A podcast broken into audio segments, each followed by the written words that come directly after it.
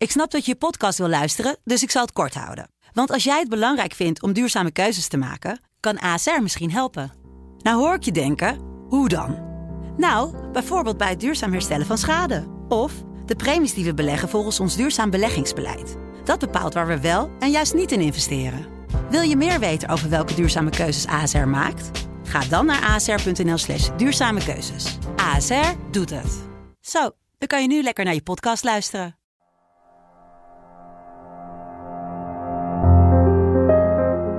Dit is de politieke podcast van de Telegraaf. Afhameren met Wouter de Winter en Pim CD. Zo, Wouter.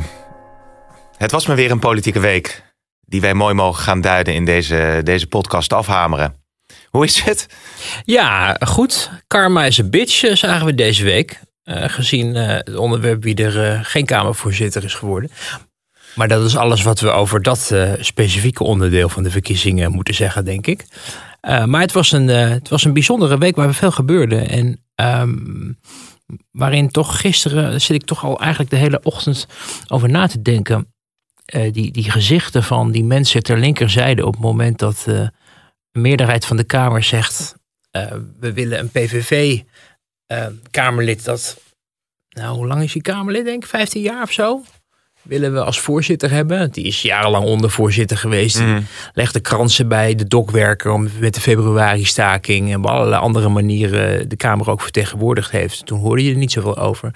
En nu is het einde der tijden nabij. En uh, ik, ik, ja, ik probeer toch te begrijpen hoe het kan dat als uh, mensen doorgaans, zelfs Joost Sneller van D66, de woordvoerder ook van uh, uh, in het debat voor D66, toch wel moest aangeven dat hij toch eigenlijk wel een hele goede voorzitter was. Ja. Dat, het dan, dat dan toch kennelijk het niet mag, omdat hij als Kamerlid, waarin hij dus wordt geacht om namens zijn kiezers te spreken en voor hen, voor hun belangen te vechten en, en zich ook dusdanig te uiten, dat het dan opeens um, het niet er meer toe doet of je goede voorzitter nee. bent, maar wat je in het verleden hebt gezegd. Nu, nu snap ik wel dat, dat dingen omstreden zijn. Uh, en als hij aangeeft, ik, ik, ik moet me nu boven de partijen opstellen, uh, ja, dan. dan denk ik dat dat uh, een, een, behoorlijke vereiste is als je aan deze klus gaat beginnen. Maar op het moment dat hij dat niet gaat doen en het wordt een puinhoop, dan kan de Kamer hem ook weer net zo makkelijk weer wegsturen. Ja. Dus um, het idee dat. dat ik had een beetje een Amerikaans gevoel er gisteren bij. Dat je in het Huis van Afgevaardigden zie je dat ook wel. Als een, een, als een voorzitter wordt gekozen of iemand. Uh, of een ander belangrijk wetsvoorstel. Dat mensen dan allemaal met de State of the Union de Senaat zie je dat dan ook met die gezamenlijke vergadering dat mensen dan blijven zitten en de ene kant en de andere kant gaat heel erg juichen en klappen. En uh, dat vond ik eigenlijk, ik had nooit echt het idee dat dat in, in Den Haag ook zo gebeurde met dit soort zaken. Dat je toch altijd een soort courtesy hebt. Dat je klapt om iemand succes te wensen. En zegt we zullen je goed in de gaten houden. Dit lijkt me tot daar aan toe. Maar ik vraag me af op het moment dat Tom van der Lee was gekozen. Of dan de hele rechterkant ook uh, naar het bankje had gestaard en niks had gezegd en niet had geklapt. Ja, maar het... misschien dat ze Martin Bosma zien als een uh, haai uit die uh, bekende Disney-film. Hè? Ja, die zegt dat hij geen vlees meer eet, geen vis meer eet. En dan, maar ja, goed. Uh, uh, hè? Een volle vijver. Maar, maar dan nog, hè, dan, dan nog. Het, op een of andere manier geldt dan voor PVV'ers een andere standaard in de beoordeling. Want er zijn ook dingen die, die we vanuit de linkerhoek de afgelopen jaren natuurlijk hebben gehoord. Uh, en die zijn dan kennelijk politiek genoeg correct om daar dan geen aanstoot aan te nemen of zo. Nee, maar het is wel zo dat als je kijkt naar de geschiedenis en de Kamervoorzitters, dan zijn het uh, vaak uh, middenpartijen die de Kamervoorzitter leveren. En uh, de PVV zit natuurlijk wel meer in het spectrum op rechts. En is Bart Bosma is natuurlijk wel een, ja, een politicus die als Kamerlid vrij uitgesproken ja. opvattingen heeft gehad over NPO bijvoorbeeld, ja, noem, over, over nepparlement, dat soort zaken. Er is ook een andere manier waarop je het aan kan vliegen, namelijk de grootste partij. En dat is ook jarenlang een normaalste zaak van de wereld geweest. Eigenlijk een nog veel ja. meer klassiekere benadering dan, dan uh, dat het een middenpartij moet zijn. En wie definieert dan het eigenlijk wat een middenpartij is? Uh, Tom van der Lee komt uit GroenLinks. Hm. Het was, hè, dat is de fusiepartij waar onder andere de CPN in zat.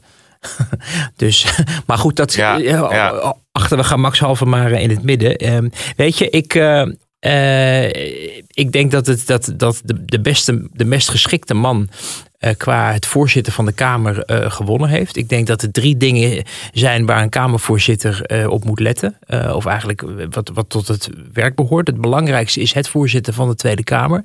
Nou, daar ging de vorige voorzitter, die hebben we het vaak al genoeg over gehad. Ging daar redelijk de mist over in.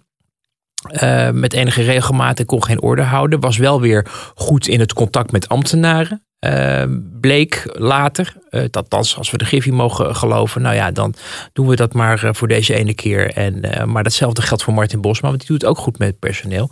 en de derde is natuurlijk het representatieve. En daar, dat deed Bergkamp verder prima naar buiten. Hè. Mm. Boeken in ontvangst nemen, linten doorknippen, kransen leggen. en daar is het voor Bosma ingewikkelder, omdat hij inderdaad een reputatie heeft als Kamerlid, waarin hij zich soms ongenuanceerd, direct en volgens sommigen ook vrij polariserend heeft uitgelaten. Uh, dus daar zal hij moeten tonen dat hij uh, inderdaad de Kamervoorzitter is van het parlement.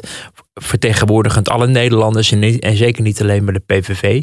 De eerste indruk die we gisteren kregen op het moment dat hij die voorzittershamer kreeg, vond ik al een beetje een slecht teken. Want toen begon hij gelijk over de PVV. oh ja. En, en uh, nou ja, hij droeg het dan op aan al die PVV'ers die ook de afgelopen jaren hebben gemerkt dat als je vertelde dat je werkzaam was voor de PVV of PVV stemde, dat je dit dan als een soort NSB'er min of ja, meer... werd je niet gekozen in sportklasjes en dat soort dingen allemaal? Ja, ja nou daar hoorde ik eh, de heren van VI wel enige nuance bij aanbrengen, omdat ze zeggen dat het zo niet werkt bij Alkmaarse boys of wat was het? Wat je kiest gewoon een jongetje dat het beste kan voetballen. Ja, ja, dus, dus uh, maar goed, um, er is grote frustratie in die kringen elke keer. En je, dat zag je ook elke keer geëtaleerd worden op het moment dat iemand vertrok bij de PVV. Dan werd er uh, geschopt tegen de PVV, waar ze dan jarenlang onderdeel van uitmaakten in de fractie. Omdat dat eigenlijk de enige manier was om door, deze, door zo'n afstand te nemen, jezelf wit te wassen voor een nieuwe baan. Omdat mm. mensen als ze met, met vlag en wimpel uh, de PVV-fractie zouden verlaten, werkgevers toch geneigd zijn om, om inclusieve redenen ongetwijfeld mensen niet aan te nemen of, of nou ja, daar op een manier mee om te gaan die anders is dan bij anderen. Dus weet je, je, je merkt dat, dat, um, dat daar een, uh, een grote frustratie zit. En Martin Bosma die probeerde daar dus ja, ook even aan te appelleren. Um, nou, dat zij hem dan deze keer vergeven. Want hij zat al die jaren voor de PVV natuurlijk in de Kamer. En dat was vaak ook vrij eenzaam, denk ik. Omdat je merkte dat, dat, uh, nou ja, dat je ook verguisd werd. Uh, tegelijkertijd, uh, het is nu ook de tijd om, om, om echt die, die pet af te gooien. En de, het symbool te zijn wat je moet zijn als Kamervoorzitter. Ja. En dat is boven de partijen staande. En gewoon een verre voorzitter zijn. Um, Met humor, Wouter. En dat is zo fijn. dat hij meteen zegt van, nou ja, ik ben nu de Kamervoorzitter... en ik zal met de spreektijd daar ook nog wel hè, naar kijken... met wie niet op nou, mij ja, ik, vond het wel grappig, maar je zag die mensen in het linkervak ja. kijken... van, oh, we worden gelijk uh, ja. aangepakt. En dat, er wordt wel eens vaker gezegd dat de linkerzijde... het, het, het gevoel voor, voor, humor niet, niet zo ontzettend... Uh, uh, breed verspreid wordt als uh, ter rechterzijde. Hoewel, gek genoeg, al die cabaretiers ja, de vraag is of grappig zijn dan. De linkerzijde worden, worden ingedeeld. Hè? Dat even tot hier is 3 miljoen kijkers. En daar zitten, zijn toch, dat heeft toch een duidelijke linkse signatuur. En al die andere cabaretiers met Claudia de Breij, Paul de nou ja, Hans Steeuwen niet natuurlijk. Hè? Die zit natuurlijk meer in de, in de rechterhoek. Ja. hij is de uitzondering die de regel bevestigt, denk ik dan. Ja. Uh, maar, maar, maar goed, hij, hij maakte dan gelijk een, eh, een grapje van. Maar je merkte gewoon, en ja, dat vinden mensen dan. Ik zag net weer wat reacties eh, voorbij komen ook. Dat je dat vooral niet mag zeggen. Dat, dat Tom van der Lee saai was. Want het was toch heel netjes dat hij allemaal zo, uh, wat hij allemaal deed. En, uh, maar het was echt een doodsaai verhaal. echt, Pim. Ik, heb, ik dacht, jeetje, als je, stel je nou voor dat je er zelf had gestaan. En je krijgt de gelegenheid om voorzitter van de Tweede Kamer te worden. Dan, dan, en je hebt ervaring, uh, ook vrij breed, als, als medewerker vroeger van GroenLinks. Hè, was de woordvoerder van Femke Halsma onder andere. En uh, ook in het campagneteam van Paul Rozenmuller. Um, nu al jarenlang Kamerlid, de parlementaire enquêtecommissie Groningen voorgezeten. Ja. Uh, de steun en toeverlaat van Jesse Klaver uh, ook wel geweest al die jaren. En dan er niet in slagen om een bevlogen verhaal te houden. Waarbij je de twijfelende NSC-fractie, want daar zaten ja, de meeste stemmen die je kon binnenhalen. Denk, Denk je ik. dat je die echt op dat moment nog naar je toe had Ja, kunnen trekken? ja, ik denk wel. Ik denk ook dat Nicolien van Vroonhoven, die volgens mij ook een goed debat deed, ook daar echt toe de ruimte gaf. En dat deed ze op een wat ja, pijnlijk punt, maar wel denk ik een belangrijk punt, namelijk hoe er met Khadija Ariep is omgegaan eh, destijds eh, eh, met dat onderzoek. En je zag, omdat Tom van der Lee door het loodje strekken als eerste mocht antwoorden. op de vragen die de Kamer had gesteld, werd hij als eerste geconfronteerd ook met die vraag van Van, van Vroonhoven: van goh, kunnen we hier niet iets mee doen? Kunnen we dit niet op een manier afronden waardoor het prettiger, fatsoenlijker is voor Ja. ook misschien mevrouw Ariep?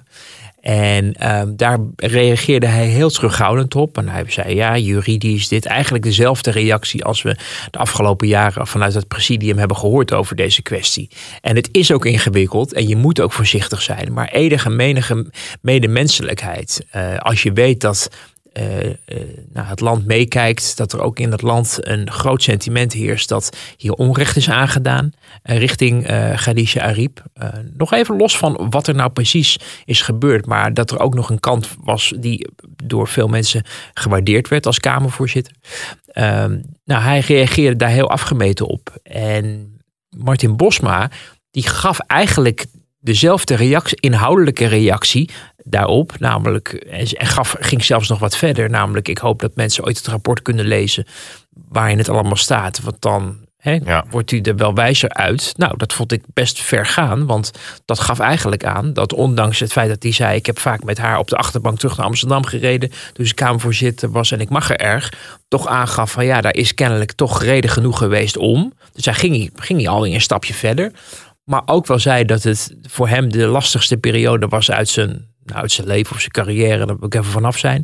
Ehm, eh, maar te- ook tegelijkertijd zei eh, dat hij toch wil, wil een poging wilde doen om hier tot elkaar te komen op een of andere manier. Een soort verzoening. Zoals je eigenlijk ook wel mocht verwachten van de nieuwe Kamervoorzitter. Omdat je wist dat Bergkamp het eigenlijk niet meer kon.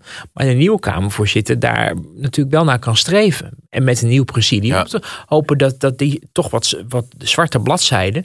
waarin de meerdere mensen het denk ik niet goed hebben aangepakt... en natuurlijk dat lek is geweest...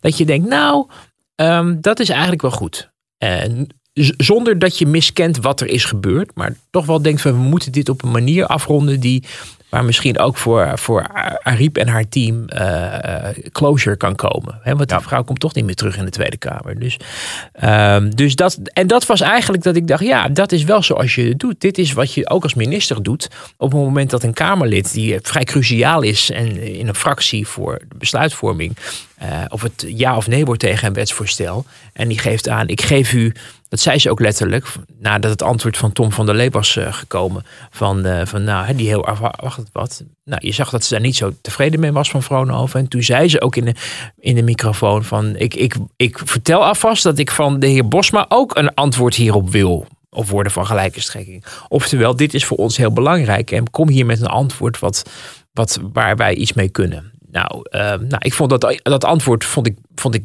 beter en menselijker klinken. En dat kan nou net ook weer een rol hebben gespeeld. Ja. Je merkte gewoon, we hoorden het zelfs uit het linkerblok.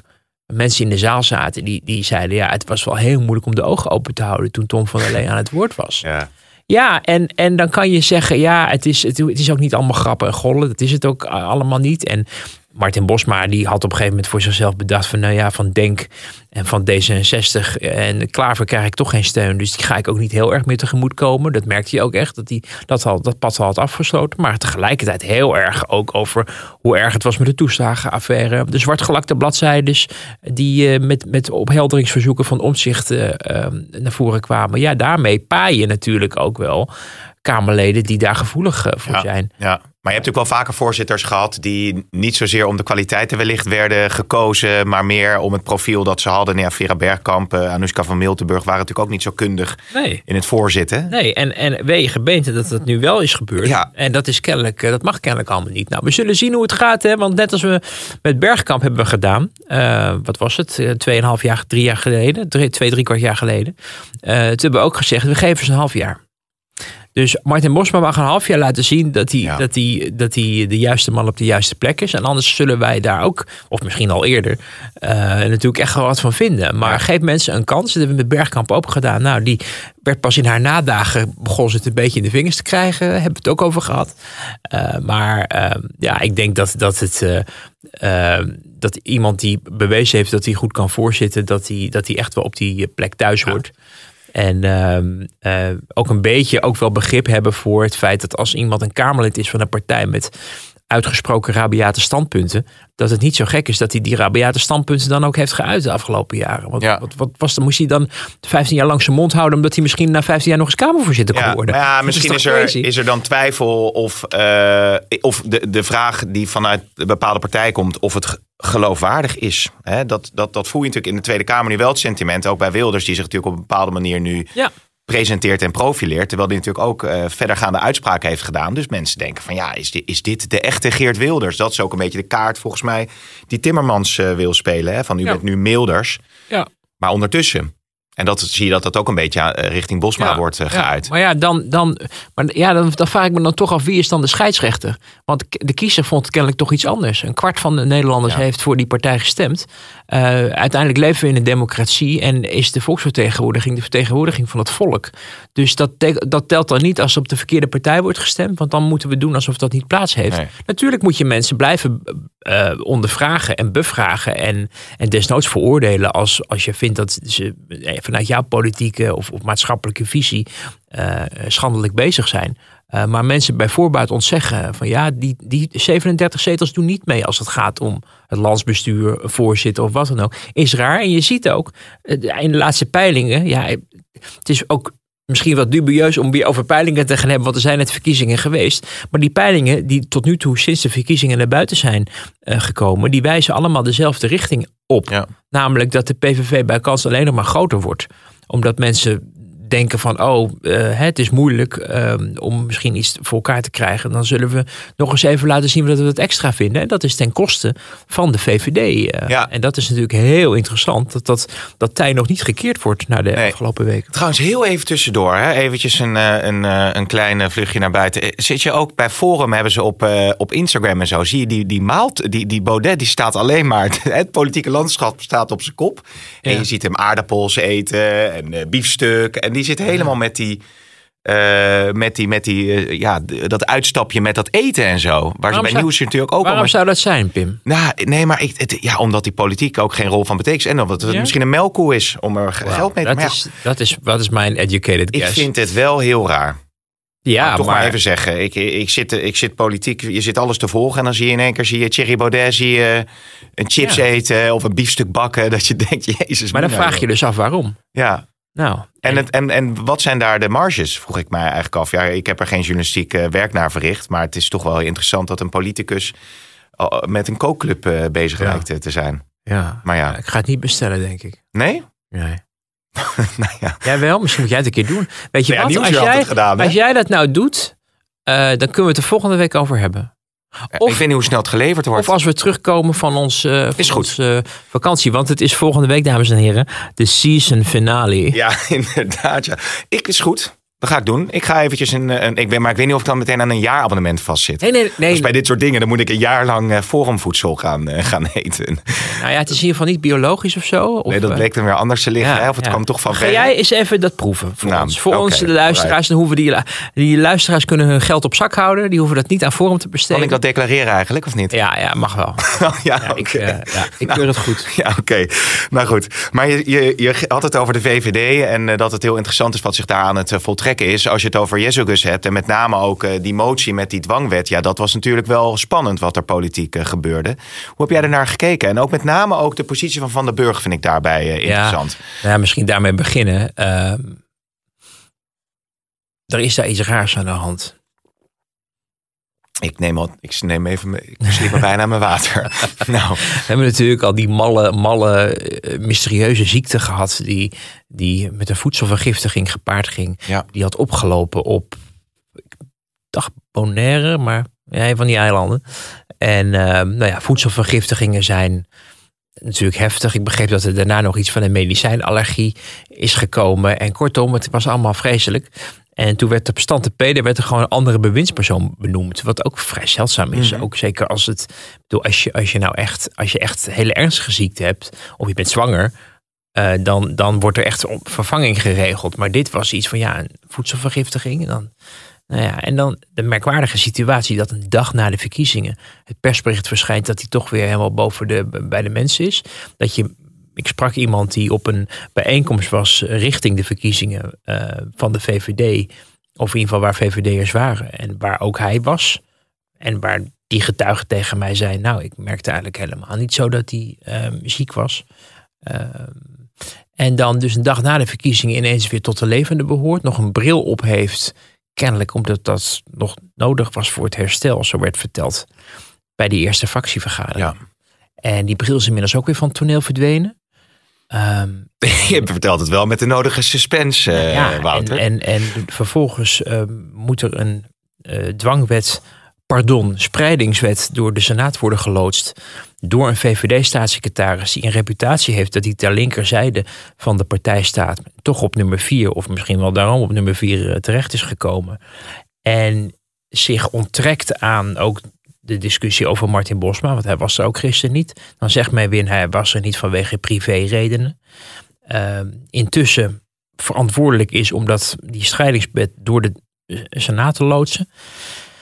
Ehm, en dan zie je dat zijn fractieleider, zijn partijleider en tegelijkertijd ook zijn politieke baas als minister op het ministerie van Justitie Ja. een motie indient waarin wordt eigenlijk wordt gezegd dat hij dat niet moet doen of zo in de Senaat. Terwijl daar gaat de Tweede Kamer helemaal niet over. En ehm, ehm, terwijl hij dus bij, hoog en laag voorhoudt dat eh, het nodig is om, het, om, de, ins- om de, ja, de instroom enige soelaas te bieden. En diezelfde avond wordt ook nog een communiqué verstuurd. Dezelfde avond dat die motie wordt ingediend vanuit ehm, de minister-president. Die aangeeft dat eh, het kabinet gewoon doorgaat en eh, de motie ontraadt, omdat het nodig is. Ja, Ja, waar te beginnen überhaupt? Het is, ik, ja en nou, waar is hij? ja, Misschien dat hij bij de ministerraad is op dit moment, terwijl we dit opnemen. En dat hij daar eh, wellicht wel een keer iets wil zeggen over wat nou eigenlijk precies zijn mening is over dit hele dossier.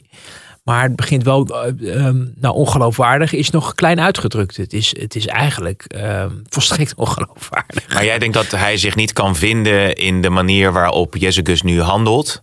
En dat er Als een soort wel zo zou zijn, had ik het wel eens willen horen langs mijn hand, eerlijk gezegd. Ja, Dus ik, ik ehm, heb het idee, ik weet het niet. Ik weet niet hoe, hoe, hoe, hoe, hoe, die match daar in die fractie nog loopt. Eh, en hoe dat ook trouwens bij andere mensen in die fractie eh, eh, loopt. En, en trouwens ook elders in de partij. Hè. Je hoort dat, ehm, je hebt natuurlijk een paar weken geleden die column geschreven. Is Je- Jezilgus leider of marionet bij de VVD? Leider of degene dat die de lakens uitdeelt. Of marionet omdat ze eigenlijk doet wat het oude Rutte-team haar nog aan het adviseren was met, met, met, lijst- met eh, dezelfde adviseurs uit de fractie. Met de betrokkenheid van Klaas Dijkhoff, die daar als de kippen bij was om hè, die gedoogconstructie eh, te verdedigen die men had, eh, had afgesproken. Daar gaat het natuurlijk ook niet goed mee. Je ziet die peilingen, mensen zijn nog steeds boos die op de VVD hebben gestemd voor een groot deel, omdat ze denken, ja, dan ga je toch achteroverleunen. Ehm, ze hebben uit frustratie toen maar bedacht dat er een een reclamecampagne moest worden opgezet. waarin advertentieruimte gekocht moest worden in kranten. omdat men het idee had dat nou ja, journalisten niet de werkelijkheid voldoende eh, over het voetlicht brachten. Namelijk dat ze weliswaar gingen gedogen, maar nog steeds heel erg een rechtskabinet steunden. Van Ja. dat laatste gedeelte hadden wij dan allemaal verzwegen of zo. Dus heel bozig. Heel een beetje bijna Calimero-achtig eh, gedrag. Ehm, en, en, ehm, maar dat he- heeft dus nog geen effect gesorteerd. Nou, dan nu omdat weer- het niet uit te leggen is. Precies. En dan nu weer. En, en, ook, en, en weet je, alleen maar ook weer bedacht uit strategie. En niet uit een, ver- een vertaling van het signaal wat de kiezer geeft. Hè. Er werd ineens gezegd: ja, we, hebben, we zijn afgestraft en we moeten dat signaal respecteren. Terwijl toen ze nog drie zetels hoger eh, stonden in peilingen, toen werd er al over het premierschap gedroomd. Dus het is, wel, het is wel een enorme kloof die ineens ehm, ehm, is ontstaan tussen die 24 en die 27 eh, zetels. Maar je ziet dat het, het is allemaal, het is allemaal, ja, er wordt gek genoeg niet, niet voldoende nagedacht over zoals iemand mij dat die al heel lang aan het Binnenhof rondloopt, uh, deze week vertelde, waar je wil landen. het lijkt hele korte termijn acties. We gaan een motie indienen en dan gaan we de Eerste Kamer oproepen om, om pas op de plaats te maken. En dan denk je, ja, is dat eigenlijk behoorlijk?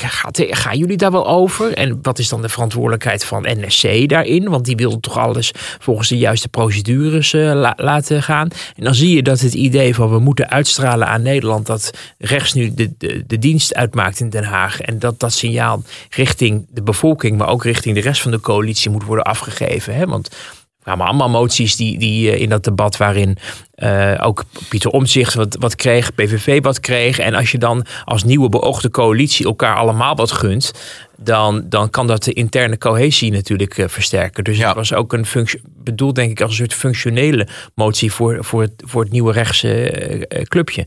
Maar um, ja, het geeft voor de buitenwereld toch echt een heel erg rommelig beeld. Maar dat is toch opmerkelijk, want het, het is strategie. Maar welke strategie dan? En wie zit daar dan achter? Want blijkbaar wordt dit allemaal ingestoken en over nagedacht. Dit is toch niet een motie die ze eventjes op een achternamiddag... Uh, met een klein clubje bedenkt en, en, en op tafel legt. Ja. Dat, dat, dat zou toch met, met een breder kader besproken moeten zijn. Want zij is zich toch ook wel bewust van de impact die zo'n motie heeft. Als je notabene minister bent in het kabinet, het demissionaire kabinet zit, dan weet je toch wat het, de uitwerking kan zijn van zo'n motie. Ja, of, of, of, je denkt, of je denkt er onvoldoende over na, of je denkt weer aan dat er een groter doel is om, om een soort strategie te volgen. Um, nou, de collega's op de parlementaire redactie hadden laatst een verhaal geschreven uh, over hoe dat gaat bij de VVD. En uh, toen kwamen de, de magere meiden kwam bovendrijven. niet de magere mannetjes van D66, maar de magere meiden. Ja, de magere mannetjes waren, waren de spindokters of het team wat rond Kaag hing en van Kaag een soort merk moest maken, omdat ze zelf niet heel erg duidelijke politieke ideeën of, of, of koers uitzetten, behalve dat ze uh, indrukwekkend kon speechen. Uh, dus die hebben haar helemaal ja, opgekalefaterd en in de markt gezet inclusief eh, de sneakers, weet je nog? Ja, nee, nou, nee zeker ja. Maar um, de magere meiden, dat wordt dan uh, ja, de top drie genoemd van... Uh, van dus Hermans. Dus Hermans, uh, Jezielgus en Bente Becker. Oh ja. Dus de drie meiden die aan de top staan van de, van de VVD. En misschien, leuk voor Edith Schippers, kunnen we haar er misschien stiekem ook nog toe rekenen. Want die is denk ik ook heel mager. maar die is de, de fractieleider van de Senaat.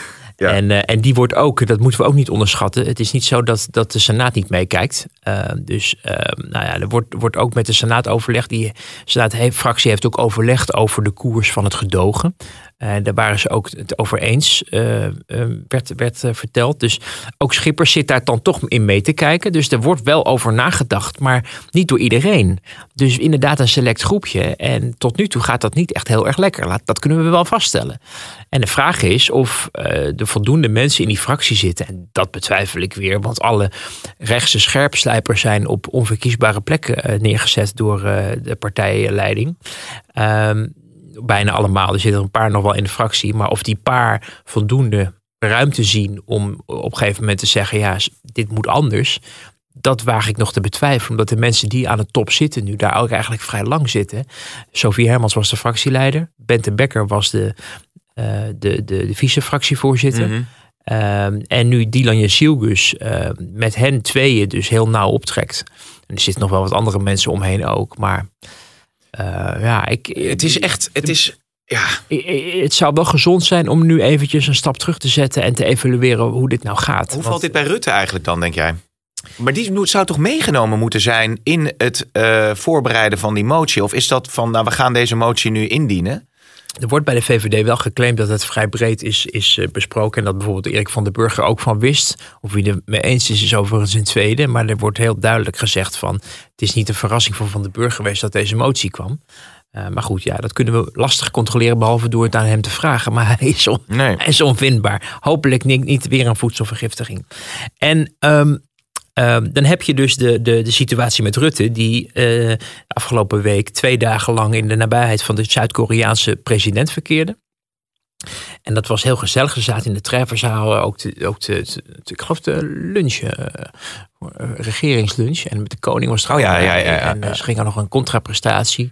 Ze waren er wel tevreden over, hoorde ik. Dat was wel, wel goed gegaan. De Koreanen hebben ook wel uh, gevoel voor humor. En zijn wat oh. losser dan, dan sommige anderen. Want dat, dat merk ik af en toe ook wel hoor. Dat je in die, in die hoge regeringskringen van ver weg. Dat de omgangsvormen ook weer verschillen. En bij het Japanse hof is het allemaal heel strikt bijvoorbeeld. Ja, nee. Ja. En, en dit was allemaal. Ja, Zuid-Korea toch vrij nou ja, westers land ja, eigenlijk. Ja. Um, dus die, die, ja, daar kan je ook wel een grapje mee maken. En um, uh, vervolgens Rutte natuurlijk de hele week aan het bellen. En ook de bij Scholz was hij natuurlijk uh, uh, maandag in aanloop naar die Europese top, waarin zou worden besloten over het ja, lot van Oekraïne, of ze lid mochten worden van de EU en of ze dat geld zouden krijgen. Nou, het ene is wel gelukkig, het andere nog niet, zeggen ze, want ze denken dat ze dat in januari dat dat geld alsnog kunnen rekenen. Maar dat, dat heeft een enorme druk natuurlijk achter de schermen, ook op Rutte, om, zeker omdat hij natuurlijk ook denkt aan misschien de NAVO. Um, dus die begint ineens met de val van het demissionaire kabinet te dreigen in de Kamer op het moment dat er een motie is over geld die dan de SGP uh, uh, indient. Uh, dus je ziet dat daar die man staat dus ook onder druk en over, onder spanning. En je weet hoe primair Rutte af en toe kan reageren als mensen doorkruisen waar hij belang aan hecht, wat hij belangrijk vindt. Dus dat was een vrij primaire reactie in dat debat van we stappen op met het hele kabinet. Um, en ook vrij snel een appreciatie vanuit uh, het ministerie van Algemene Zaken namens hem. Wat overigens wel weer in kringen rond Rutte werd gerelativeerd. Van Rutte kan niet veel anders dan uh, die motie ontraden. Omdat het kabinetsstandpunt is dat die spreidingswet er moet komen. Dus ja. als de Kamer dan zegt pas op de plaats maken met die spreidingswet dan is het logisch dat het kabinet de eigen koers vasthoudt. Tenzij ze gedwongen worden een andere koers te varen door uh, de Kamer. Maar zover was het niet. Ja. Dat was maar een oproep. Dus ja. ze konden dat nog steeds ontraden. Dus er werd gelijk gezegd dat Rutte eigenlijk niet zoveel anders kon. Maar dat zo snel in zo'n korte tijd al die appreciatie er lag vanuit Rutte. Verraadt wel dat Rutte zelf dacht van ik ga gelijk terug. Uh, want ik wil geen gedoe. Nu nee. op dit moment ik wat anders aan mijn hoofd. Is het gezellig in het demissionaire kabinet? Nou, in demissionaire... Ik, we hebben de recensies over de vergaderingen die nu plaats heeft. Ja. En wat, wat, uh, hoe men daar met Jezielgus omgaat, nog niet kunnen, kunnen horen. Want het, dat speelt nu nog. Maar ik hoor wel dat het wel voor veel beroering heeft gezorgd uh, tussen de verschillende partijen. Dat eerst een idee was van oké, okay, als de VVD uh, voet bij stuk houdt en met de nieuwe rechtse vrienden uh, ja, oproept tot het parkeren van die spreidingswet, dan uh, ja, en, en de VVD wil daarin meegaan, nou, dan moet de VVD het kabinet maar uit. Want wij, uh, CDA, D66, ChristenUnie vinden dit een schandelijke manier van opereren. We dachten eerst nog even van ja, dit, dit, dit trekt uh, D66 niet. Maar dan reken je even mis met het CDA, wat natuurlijk niet meedoet met dit rechtse verbond. Mm. En nog wel ministers in de treffenzaal heeft. En dus uh, samen met de andere, uh, ja, volgens mij ook ervoor kan zorgen dat de VVD niet haar zin krijgt. En als de VVD dat ja. heel vervelend vindt, dan moeten ze zelf maar opstappen. Ja. Nou, dat zou ook weer, dat zou echt niet des VVD's zijn om de boel zo op te spits te drijven. En een partij die bestuursverantwoordelijkheid toch claimt te willen hebben. En dan Rutte naar huis of zo. Ja, dat, dat wordt echt een enorme puinhoop. Dus um, je hoorde al heel snel, ook vanuit D66 bijvoorbeeld, ja, uh, de, laat het VVD maar uit het kabinet gaan als ze willen dat we een andere koers gaan varen uh, rond, rond die spreidingswet.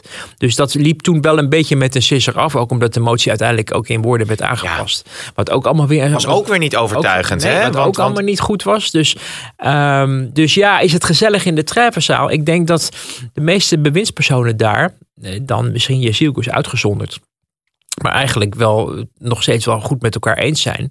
Um, en, en eerder zien tot hun verbijstering welke bokkensprongen uh, de, de, de voormalig grootste partij van Nederland aan het maken ja. is onder het nieuwe leiderschap. Ja, maar is dat dan een, een, een demasqué van de VVD? Of zijn ze juist zich aan het uh, herijken? Hè? Dat, dat dit gewoon een, een hele bewuste strategie is om een beetje rommel te veroorzaken en te zeggen we nemen nu deze rechtse afslag. Dat kan natuurlijk ook. En er is een, een enorme frustratie uh, bij um, de voormalige VVD-fractie. En ook een uh, aantal mensen in de huidige VVD-fractie over de vorige periode. En misschien wel de vorige periodes. Het idee, je bent de grootste partij van het land.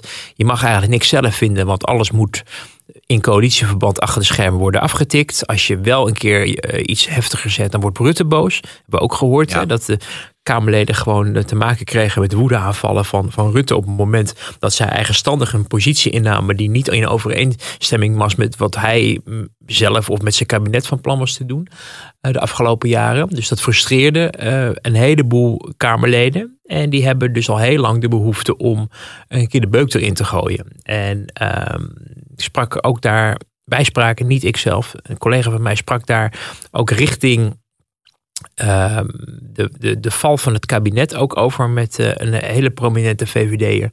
En die ook aangaf van misschien is het goed voor ons om maar eens een tijdje in de oppositie te gaan. Omdat we al die jaren onze mond moesten houden. Dus nu men het idee heeft van nieuw leiderschap en PVV de grootste en wij gaan misschien gedogen. Voelt men de ruimte om, om wat stouter te zijn. En misschien is het bijna een soort compensatie of zo. Ja. Uh, voor, voor al die jaren zwijgen. Ja, even inhalen. Maar Weet je nog inderdaad dat toen Rutte langs moest komen bij de fractie natuurlijk. Dat, dat was ook zo'n moment hè? Toen, uh, wat was het ook alweer, Jesse Gus, of nee, was toen Hermans. Die zei van nou, we hebben hem flink doorgezaagd Rutte en hij gaat zijn best nu doen. Vergis je, nu, nu, nu nu vergeet ik, maar nee, zeg het maar. Nu vergeet je die belangrijke uitspraak die ze Ja, nee, ik, ik, het erg is, ik, ik, je weet het ik, niet ik weet meer. het gewoon even ik, niet meer. Ik dacht al, je, je draait eromheen. Je draait het was een pittig gesprek. Een pittig gesprek. Yes, ja. ik heb hem nog, net op tijd. Ja, ja. Maar dat was... Een, dat is toch wel een, een golden oldie oh, geworden. Man, man, ja, ja, man, het pittige gesprek. Nou ja, uiteindelijk... Dat was die uh, frustratie natuurlijk. Hè, ja, maar uiteindelijk heeft, is het kabinet wel gevallen erom. Dus, dus wij waren er zelf, ik zelf ook heel lang sceptisch over of dat überhaupt gemeend werd. En nou ja... Ja. Uh, uh, maar goed, ik hoorde laatst ook een verschil tussen de, de oorzaak en de aanleiding. En uh, die je kan maken. En um, de aanleiding zou het asielbeleid zijn. Maar de oorzaak van de kabinetsval lag in dat het gewoon een D66 regeerakkoord ja. is. Een D66 beleid werd uitgevoerd. En de VVD zag dat er steeds minder uh, was om nog voor naar de kiezer te gaan. Te zeggen, ja. kun je ons nog een keer een kans geven? En dat daardoor de reden was van als we het op het asielbeleid laten vallen. Dan kunnen we die kleur op de wangen terugkrijgen. Want als we deze rit uitzitten met dit beleid, met alleen maar ergere maatregelen voor stikstof, voor klimaat, uh, stilstand op asiel. Dan gaan wij betalen. Dan, dan gaan we de verkiezingen echt grondig verliezen. Ja. En dan blijft toch interessant hè, dat de VVD wel degelijk de grootste partij was uh, toen ze met die roestige auto verder gingen. Uh, maar dat de D60 uiteindelijk zoveel binnen heeft weten te harken. Dus dat is misschien de, de dieper liggende frustratie van uit de VVD van hoe hebben we dit zover kunnen laten komen eigenlijk? Nou ja, het is altijd makkelijk praten achteraf. Maar ik weet niet wat er was gebeurd op het moment dat die formatie, hè, na het functie elders de, de, debat en die formatie niet verder kwam. En men had gezegd, oké, okay, we gaan opnieuw naar de kiezer. Dan was de VVD er waarschijnlijk ook wel aangegaan. Juist omdat toen hmm. nog die, die rol van Rutte en functie elders nog zoveel mensen zwaar op de maag lag. Ook, ook ja. met de latere coalitiepartners. Ja, ook bij uh, partijen als CDA en D66 natuurlijk ook. En, en ook ChristenUnie die ook nog heel lang hebben tegengestribbeld om iets nog een keer met Rutte te gaan doen. Dus het is achteraf, weet ik niet hoeveel keuze je had op een moment dat je dan uiteindelijk de coalitie krijgt die de VVD wel wilde, namelijk het voortzetten van de vorige coalitie. Uh, in plaats van met het linkse blok aan tafel te gaan en daarmee te gaan uh, besturen. Uh, maar achteraf gezien, er is heel erg veel eh, D66 water bij de wijn ja. gegoten. En uh, men heeft gewoon op een gegeven moment een calculatie gemaakt van ja, hier moeten we uitstappen, want dit, dit, dit gaat ons uh, vernietigen. Ja. en nou ja, het, vernietiging is niet gekomen, maar een verlies wel. Ja. ja. Vernietiging is meer gekomen bij de andere partijen, hè, als je daar ja. over nadenkt. Ja, ja vernietiging is misschien ook een, uh, een groot woord. Trouwens, dinsdag sprak ik met Van der Plas. Ik vond het wel geestig. Die natuurlijk weer zegt van hup, niet lullen, maar poetsen. En van we BBB, moeten doorpakken. Hè? Van BBB bedoel je? Ja, welke bedoel jij dan? Nou ja, omdat je zegt ja, Van der Plas. En denken mensen, kijk, wij zitten natuurlijk elke dag Ja. in, die, in, die, in die Haagse heksenketel. Maar Nee. je zal de hele week maar voor de klas van staan. de BBB, inderdaad. Of- en die, ja. nu, ja, die nu aanhaakt bij afhameren. Nee, heet hartstikke goed. Ja. Ehm, maar die zat toch wel een beetje eh, Mona Keizer eh, eh, te pluggen weer. En toen, toen dacht ik van...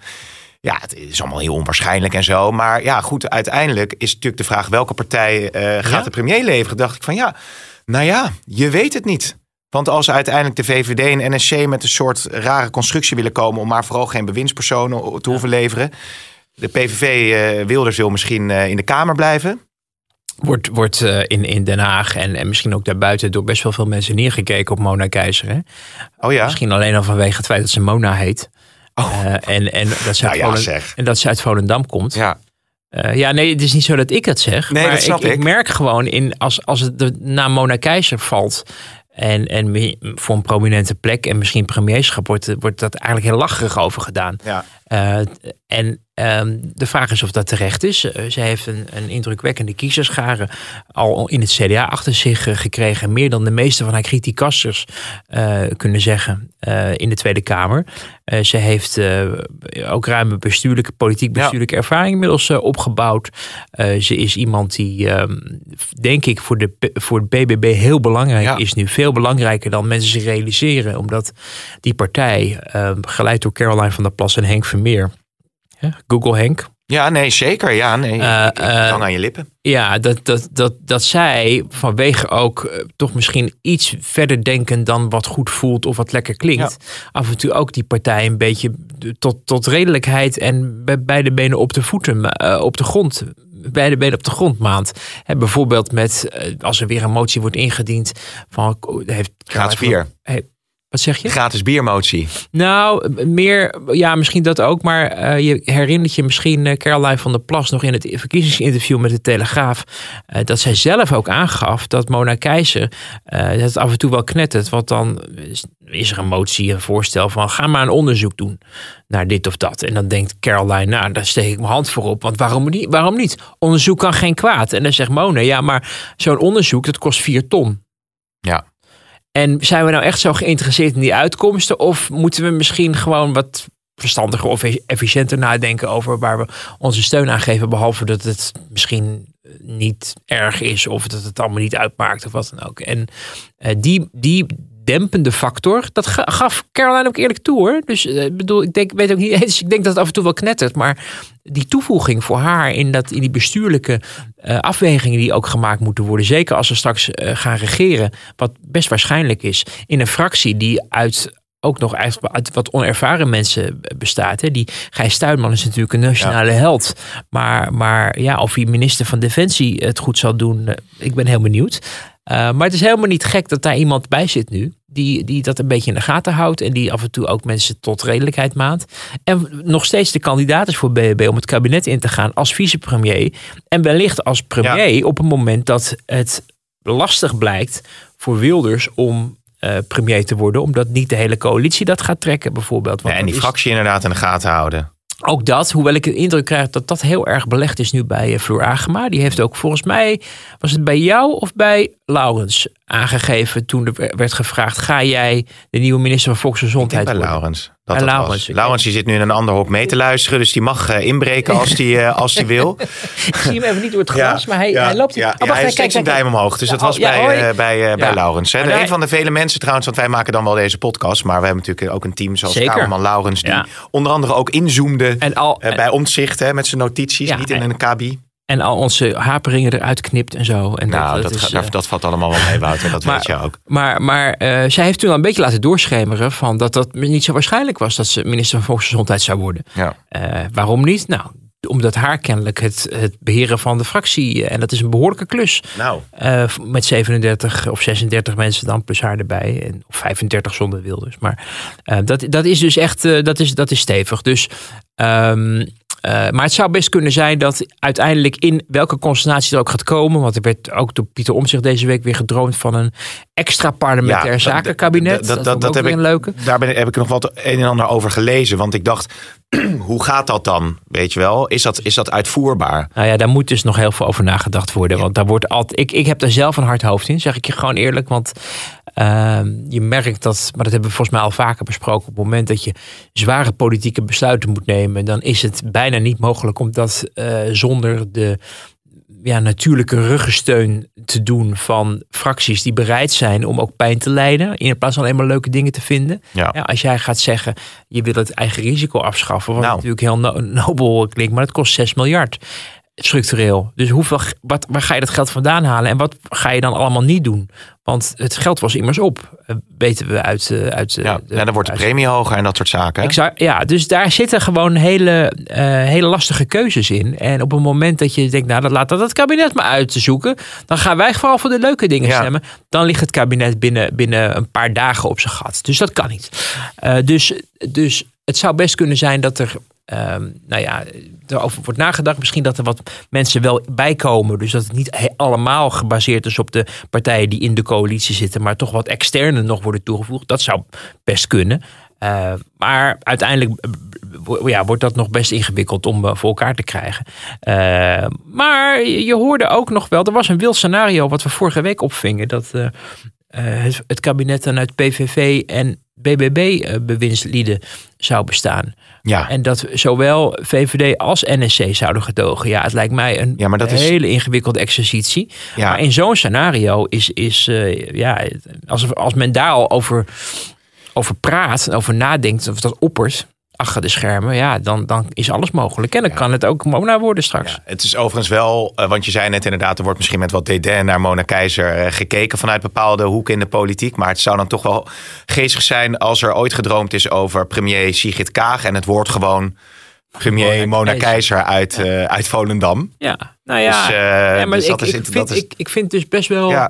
Ik, ik betrap Mona Keizer niet heel erg snel op. op, eh, o- o- o- o- ja, op, op, op, op Kletsika. Nee, Behalve dan dat zij eh, vrij berekenend op een gegeven moment een interview heeft gegeven aan ons. Waar we natuurlijk buitengewoon eh, blij mee waren. In die coronacrisis, dat weer de zoveelste beperking wordt opgelegd. Dat zij zei, ja, dit, dit, dit, dit, trek, dit trek ik niet meer. Ook omdat zij met mensen in contact stond. Ook waar ze vandaan komt, familie, vrienden. eh, ook merkte dat het echt de samenleving aan het verscheuren was. En dan kan je... Dat, dat was toen heel erg tegen het zere been van Rutte en, en Hoekstra. En Toen werd ze tegelijk uit het kabinet en geflikkerd. jongen natuurlijk ook, ja. Ja, maar eh, achteraf gezien, ook met de, eh, met de kennis van nu, hè, want wij, wij hebben ook vaak ook over die coronacrisis ook hier gehad van ja, wat is nou wijsheid? En eh, eh, het heeft een heleboel, tot een heleboel polarisatie, denk ik, ook in de samenleving geleid. En ook een heleboel eh, wantrouwen in de overheid, denk ik, aangewakkerd. Ja. Want ineens werden vrijheden afgepakt die wij sinds onze geboorte vanzelfsprekend achten. Namelijk na negen de straat op. Dus dat daar ook in het kabinet op een gegeven moment wel iemand was die zei: Nou, dit. Deze neem ik even niet meer voor mijn rekening. Ja, dat is achteraf gezien. eh, Daarmee werd ook een deel van Nederland vertegenwoordigd. Ja. Alleen, ehm, het was tegen de Haagse Morris in. En het was op een manier dat je denkt: Goh, bijzonder. Hè? Je had ook eh, geen interview kunnen geven. Maar nou, dat zou ik ze natuurlijk zelf nooit aanraden. maar, maar weet je, dus, dus, dus daar wordt dan heel erg op neergekeken. En dat, ik kan niet aan de indruk onttrekken dat dat te maken heeft ook met, met de persoonlijkheid die ze is. En dat mensen daarom eh, haar per, per se disqualificeren. Maar ik weet niet waarom het premierschap alleen maar toe zou behoren aan Mark Rutte en Frans Timmermans.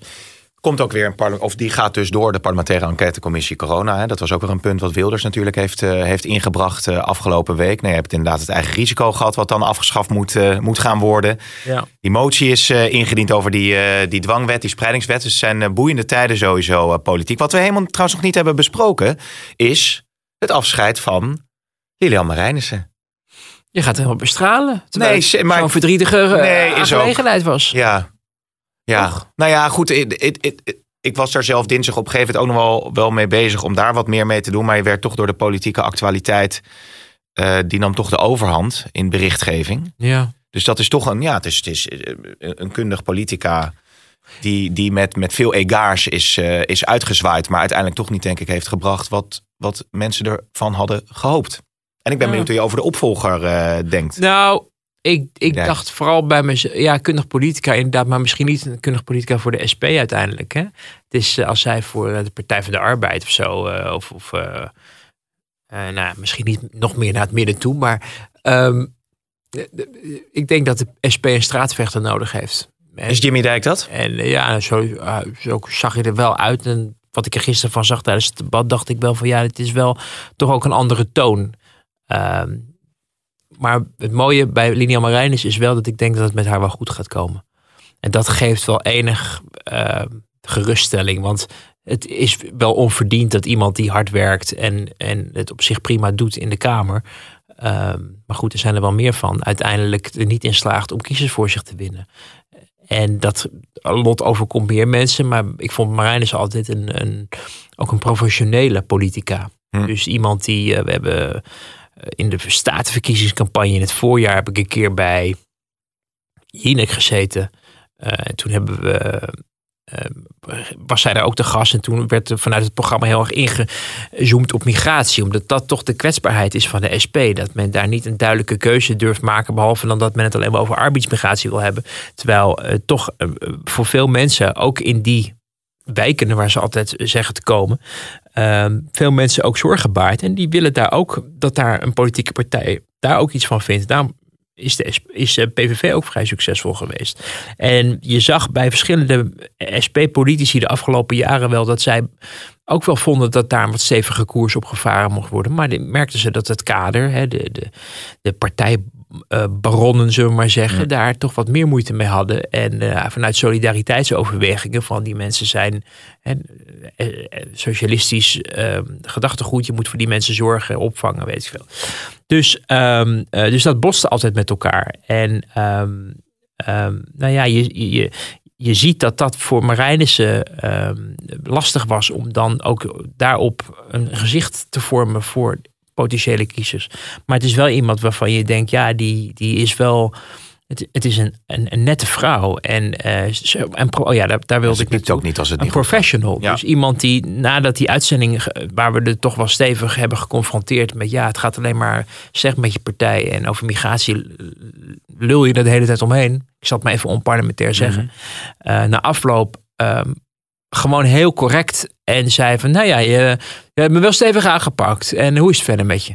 Weet je, en Ja. dat, dat, dat vind ik nog steeds, maar goed, misschien ben ik een oude lul aan het worden. Maar dat is hoe politici ook moeten zijn. Niet alles persoonlijk nemen, dat, want dat, dat begrijp ik. Kijk, kiezers zijn ook heel, vinden het dus heel raar dat het ene moment ze elkaar eh, de tent staan uit te vechten en het volgende moment lachen met elkaar op de foto staan. Maar zo moet het uiteindelijk wel, want je moet Scherp elkaar. op de inhoud. Precies, maar je, moet, debat. ja, maar je moet elkaar wel eh, gewoon als mensen blijven behandelen. En daarom vond ik het dus ook zo raar dat er, dat er ook zelfs niet geklapt kan worden voor de nieuwe voorzitter. Op het moment dat hij gewoon verkiezing heeft gewonnen eh, om nieuw voorzitter Hm. te worden. Achteraf zag je dat men ook wel de hand eh, schudde aan. Hè, dat deed Timmermans deed te klaar voor, die lag er ook Ja. nog wel bij. Dus op het moment dat hij gefeliciteerd werd eh, in, het, in het rijtje met, eh, met felicitaties, toen was men wel fatsoenlijk gelukkig. Maar op het moment dat het gebeurde, zaten zelfs een stelletje zuurpruimen daar. En, en dat, ja, dat geeft ook de indruk aan de bevolking die denkt: oh, we moeten ons kennelijk op deze manier gedragen tegen die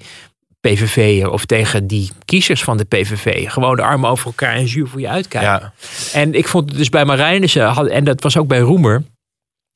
Was de hele, waar, waar zijn medewerkers boos toen wij een keer een, een eh, interview hadden gedaan met hem in verkiezingstijd. En dat, nou, daar kwam hij niet helemaal lekker uit. En eh, toen zei hij ook van, eh, ja, er waren allemaal mensen bij mij die, die, die het niet goed vonden dat ik met jullie ging praten. Maar dan zei ik tegen hen, lees die krant nou ook eens met de bril van een PvdA of met de bril van een PVV'er of met de bril van D66er. Dan zie je dat daar ook wel eens verhalen over in die krant staan waar ze daar niet zo blij mee zijn. Dus denk niet alleen maar dat ze ons eh, de maat nemen. Ze zijn gewoon met hun werk bezig. En dat vond ik van Roemer dus ook professioneel. Van Marijnus vond ik het ook professioneel. Maar je hebt laatste tijd in Den Haag, iemand als Timmermans is daar een voorbeeld van. Die zien alles heel erg persoonlijk. Ik dacht dat je naar omzicht wilde toewerken. Want, nee, En Omtzigt trouwens ja, met ook. Die interviews natuurlijk wel vaak, dat, dat hoor je dan eh, wel eens, dat hij dan eh, verongelijkt is over hoe een interview bij een talkshow eh, verloopt. Ja. En dat hij dat dan ook laat blijken. Eh, Ja. En bij Marijnissen zeg je, die, die, die, die, die pakt dat als een... eh, Ja, ja, en het is ook niet zo dat je helemaal geen kritiek mag uit Nee, op journalisten of zo. Of en als dat er afspraken niet worden nagekomen, dan mag je daar natuurlijk weg, best wat van zeggen. Zeker. Dat is natuurlijk ook zo. Ja, ja, ja. Dus, maar dus daar, en journalisten zijn ook niet van suiker. Daar hoeven we ook niet aan te, te doen. Maar eh, het, het, het veronderstelling dat de hele wereld tegen je samenspant. op het moment dat je gewoon zelf niet zo goed in je vel zit. of dat je zelf eh, eh, gewoon teleurstelt in. of verkiezingen verliest. Of, of verkiezingen minder goed doen dan je zelf had gehoopt. Ja, dan zijn de kritieken daarover niet mals. Maar Nee. Ja, als je dat. dan denk ik wel eens. hoe zouden dat. als Balkenende en Rutte zich zo hadden gedragen. op elke moment dat de kritiek op hen kwam. dat ze Nou. dan om zich heen zouden gaan meppen. Ja, dan, dan, dan kon je geen acht jaar premier meer zijn of dertien jaar. Ja, we kunnen gewoon doorpraten tot de volgende podcast. Want er, is, er zijn nog allemaal Dat open niet eindjes. Alsof je het heel We erg hebben, het, we interessant hebben het helemaal niet lang over eh, Timmermans gehad. Eh, je, je stipte net al even aan dat, dat, dat, dat kabinet waarin dan PVV en BBB de bewindslieden zouden gaan leveren. En, en NSC en VVD zouden gaan gedogen. Of welke constructie dan ook. Nou, dat wordt allemaal wat. Maar ze gaan in ieder geval doorpraten met Plasterk. Ja, Die eh, bejubeld is. Schreef je ook al in jouw column. Nou, die mag als informateur mag die dit rechtse kabinet mogelijk eh, proberen te maken. Gaat het hem lukken? Misschien nog tot slot de glazen Nou, bol. deze, week, deze week, wat ik zag gebeuren, in ieder geval in het elkaar opzoeken en denken: oké, die wil dit, die wil dat, of dat willen we misschien allemaal wel. En we gaan, eh, bedoel, dat, dat, die motie voor eh, het opzetten van die tijdelijke commissie, die dan eigenlijk de opmaat moet zijn naar het constitutionele hof, zo heb ik het maar even Mhm. vertaald, voor omzicht. Ja, dat vindt omzicht heel belangrijk. En die krijgt het gewoon voor elkaar. Die heeft verkiezingen, die heeft 20 zetels gewonnen, die heeft de hele, de afgelopen vijf jaar of tien jaar misschien al op het constitutionele hof staan gillen, dat weet ik eigenlijk niet. Maar iets wat hij heel belangrijk vindt en met één druk op de Ja. commissie ingesteld, omdat, omdat zijn mogelijke politieke bondgenoten zeggen: oké, eh, dat, dat, eh, dat, dat gunnen we je of dat gaan we Dat is een cruciaal punt voor hem natuurlijk. ja, en dan, ja, zo, zo boek je wel resultaten. Als je in de oppositie bent, dan krijg je dat niet voor elkaar. Dus het moment dat deze week, ik bedoel, er is heel veel over die motie van de VVD. Nou, hebben we het ook uitvoerig over gehad. En het was ook een rommeltje. Uh, maar er worden wel er worden wel afslagen genomen waarin partijen um, zichzelf ook herkennen. En, en wellicht bereid zijn om op basis daarvan ook andere afspraken te maken. Waardoor ze ja. denken: oké, okay, we zijn het zoals eigenlijk elke coalitie werkt. We zijn het niet inhoudelijk op alle punten met elkaar eens. En ja, wij vinden dat de manier waarop de PVV zich de afgelopen 15 jaar heeft gedragen schandelijk. En wat Wilders heeft gezegd niet oké. Okay. Maar als wij strakke afspraken kunnen maken om dat te bereiken wat we belangrijk vinden. Uh, en we houden elkaar heel. Hè, wat BBB in dat manifest ook voor ja. pleiten. Wat Caroline van der Plassen aan de informateur of aan de verkenner had gestuurd. Ja, dan is, is het misschien deze week iets sterker geworden dan ja. we aan het begin van de week dachten. En dat betekent nog niet dat automatisch een, dat rechtse kabinet gaat komen. Maar er worden wel bouwsteentjes gelegd en die blijven overeind. Want je zag ook echt blijheid. Heel bijzonder. Ook bijvoorbeeld bij Wilders. Die zei van wauw, weet je. We, we krijgen echt de handen op elkaar. Voor, voor elkaar. Met elkaar de handen op elkaar. Ja. Is dat een goede...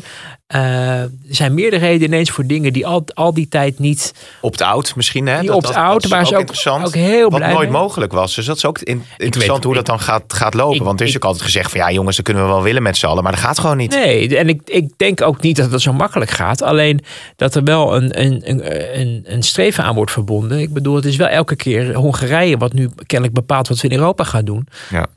Um, en Nederland die zet de eigen druk in om Um, nou ja, ook dan een land als Hongarije of andere landen af en toe tot, tot, tot redelijkheid of inzicht of bedaren te brengen. Maar het is natuurlijk niet zo dat de rol van Nederland alleen maar eentje is van alles faciliteren. Ja. En Nederland mag zelf natuurlijk ook wel eens wat vinden. Of het dan lukt is een tweede. Uh, maar dat die afslag wordt genomen, ja, daar waren ze al heel erg blij mee. In ieder geval bij de PVV. Uh, dat, dat daarover uh, ja, nu in ieder geval een uitspraak wordt gedaan. En dan moeten we maar zien of er iets van terecht gaat komen. Maar nou ja, het feit dat er, dat er dus uh, dingen aan elkaar gegund werden, dat heeft uh, de cohesie, denk ik, uh, versterkt. En ehm, dat zal de komende weken moeten blijven, op dat voldoende blijkt. Ja, en of het werkbaar is allemaal, hè? dat is interessant. Het zijn politiek in ieder geval zinderende tijden. Wat, wat nog wel een, een punt van zorg blijft en, en onduidelijkheid ook oplevert, en onzekerheid in de, in de andere drie, hoewel BBB misschien wat minder uh, mee bezig is, maar die 37 zetels van de PVV, dat zijn er wel heel erg veel. En hoe, bedoel, reken maar dat uh, niet iedereen bij Wilders op het vizier staat. Misschien dat hij zijn naam niet eens allemaal kent. Van wat die mensen allemaal vinden, hebben gedaan, hebben geuit. En er komen natuurlijk verhalen straks waarin zij, oh, maar de nummer 32 heeft dit en dat gezegd. En nou, dan krijgen we een beetje een herhaling van wat we ook bij de PVV in Rutte 1 hebben gezien. Van ja, wat vindt u daar nou van? En neemt u daar afstand van? En al die verhalen komen denk ik nog. Dus dat zal af en toe ook nog wel rumoer geven. Rumoer geven. Ja. En dat was ook de reden waarom de VVD ook dacht van we gaan wel gedogen. Want dan verbinden we onze naam niet aan. Maar goed, dat hebben we het weer over maar wat signaal geef je dan af aan je kiezer? Dat bleek uiteindelijk toch het verkeerde signaal geweest te zijn.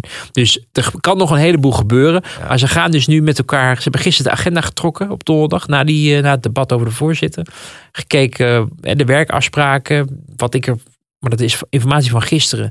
Van begrepen is dat er twee weken uh, toch rust wordt genomen. De kerstvakantie. Ik denk ook dat iedereen daaraan toe is. Kijk verder niemand in specifiek aan hier achter de microfoon. Hangen hier ook geen spiegels, gelukkig. Nee. Dat scheelt. Uh, maar dat ze, dat ze daarna uh, ja, gaan beginnen met die gesprekken. Eerst dus over de rechtsstatelijkheid. Maar ik weet niet of dat zes weken gaat duren. Het kan best zijn dat men al heel snel die, die horde neemt. Na één of twee weken. En dat men dan toch al heel snel gaat nadenken ja. over wat willen op migratie. Kunnen we met financieel bereid met elkaar uitvechten. Stikstof en al die zaken. En als dat gebeurd is, dan beginnen dan uh, ja, de definitie voor onderhandelingen en de vormgeving van een of andere coalitie. Ik heb twintig vragen nog, maar ik ga ze gewoon even allemaal parkeren. Want we hebben volgende week de grand final, de grand finale. De season finale. Season finale, dat ja. is het. Dus uh, Wouter, dank voor nu en uh, tot de volgende week.